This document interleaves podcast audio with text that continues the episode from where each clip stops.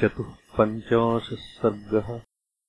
कामधेनुम् वसिष्ठोऽपि यदा न त्यजते मुनिः तदात्यशबलाम् राम विश्वामित्रोऽन्वकर्षत। नीयमाना तु शबला रामराज्ञा महात्मना। दुःखिता चिन्तयामास रुदन्ती शोककर्षिता परित्यक्तावशिष्ठेन किमहम् सुमहात्मना। याहम् राजभटैर्दीना ह्रियेयम् भृशदुःखिता। किम् मयापकृतम् तस्य महर्षेर्भावितात्मनः यन्माम् अनागसम्भक्ताम् इष्टाम् त्यजति धार्मिकः।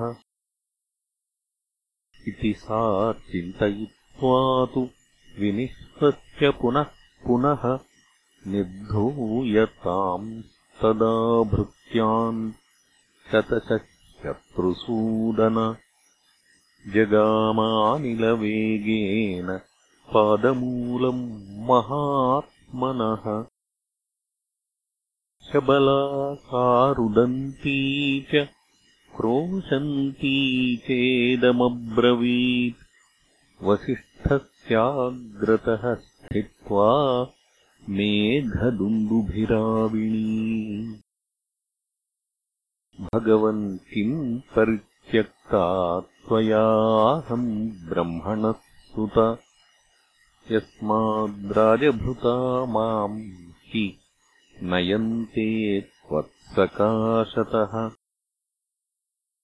एवमुक्तस्तु ब्रह्मर्षिः इदम् वचनमब्रवीत्। शोकसन्तप्तहृदयाम् स्वसारमिव दुःखिताम्। न त्वाम् त्यजामि सबले नापि मेऽपकृतम् त्वया। एष त्वाम् नयते राजा। बलान्मत्तो महाबलः। न हि तुल्यम् बलम् मह्यम् राजा त्वद्यविशेषतः। बली राजा क्षत्रियश्च। पृथिव्याः पतिरेव च इयमक्षौहिणी पूर्णा सवाजिरथसङ्कुला हस्तिध्वजसमाकीर्णा तेनासौ बलवत्तरः। एवमुक्तावशिष्ठेन प्रत्युवाच विनीतवत् वचनम् वचनज्ञा सा ब्रह्मर्षिम् अमित प्रभम्। न बलम् क्षत्रियस्याहुः ब्राह्मणो बलवत्तरः। ब्रह्मन् ब्रह्मबलम् दिव्यम् क्षत्रात्तु बलवत्तरम्।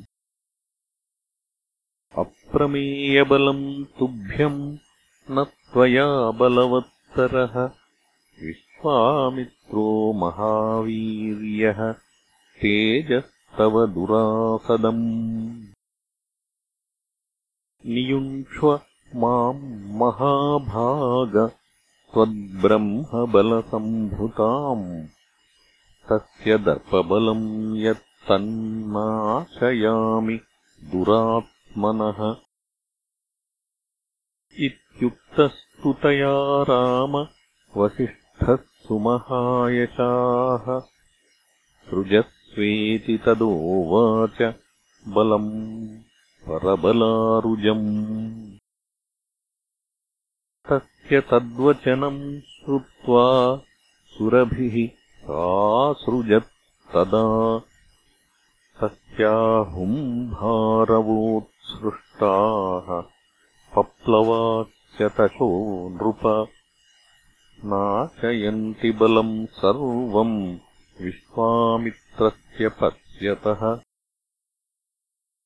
बलम् भग्नम् ततो दृष्ट्वा रथेनाक्रम्य कौशिकः। स राजा परमक्रुद्धो रोषविस्फारिते क्षणः पप्लवान्नाशयामास शस्त्रैरुच्चावचैरपि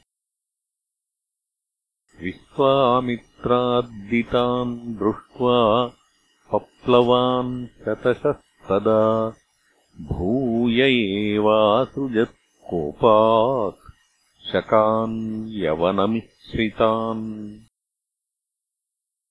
तैरासीत् संवृता भूमिः शकैर्यवनमिश्रितैः प्रभावद्भिर्महावीर्यैः हेमकिञ्जल्कसन्निभैः। दीर्घासिपट्टिशधरैः हेमवर्णाम्बरावृतैः निर्दग्धम् तद्बलम् सर्वम् प्रदीप्तैरिव पावकैः।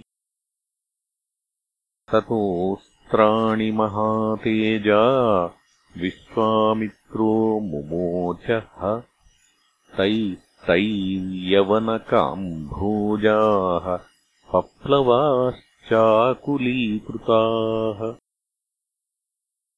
इत्यार्षे श्रीमद् रामायणे वाल्मीकीये आदिकाव्ये बालकाण्डे चतुःपञ्चाशत् सर्गः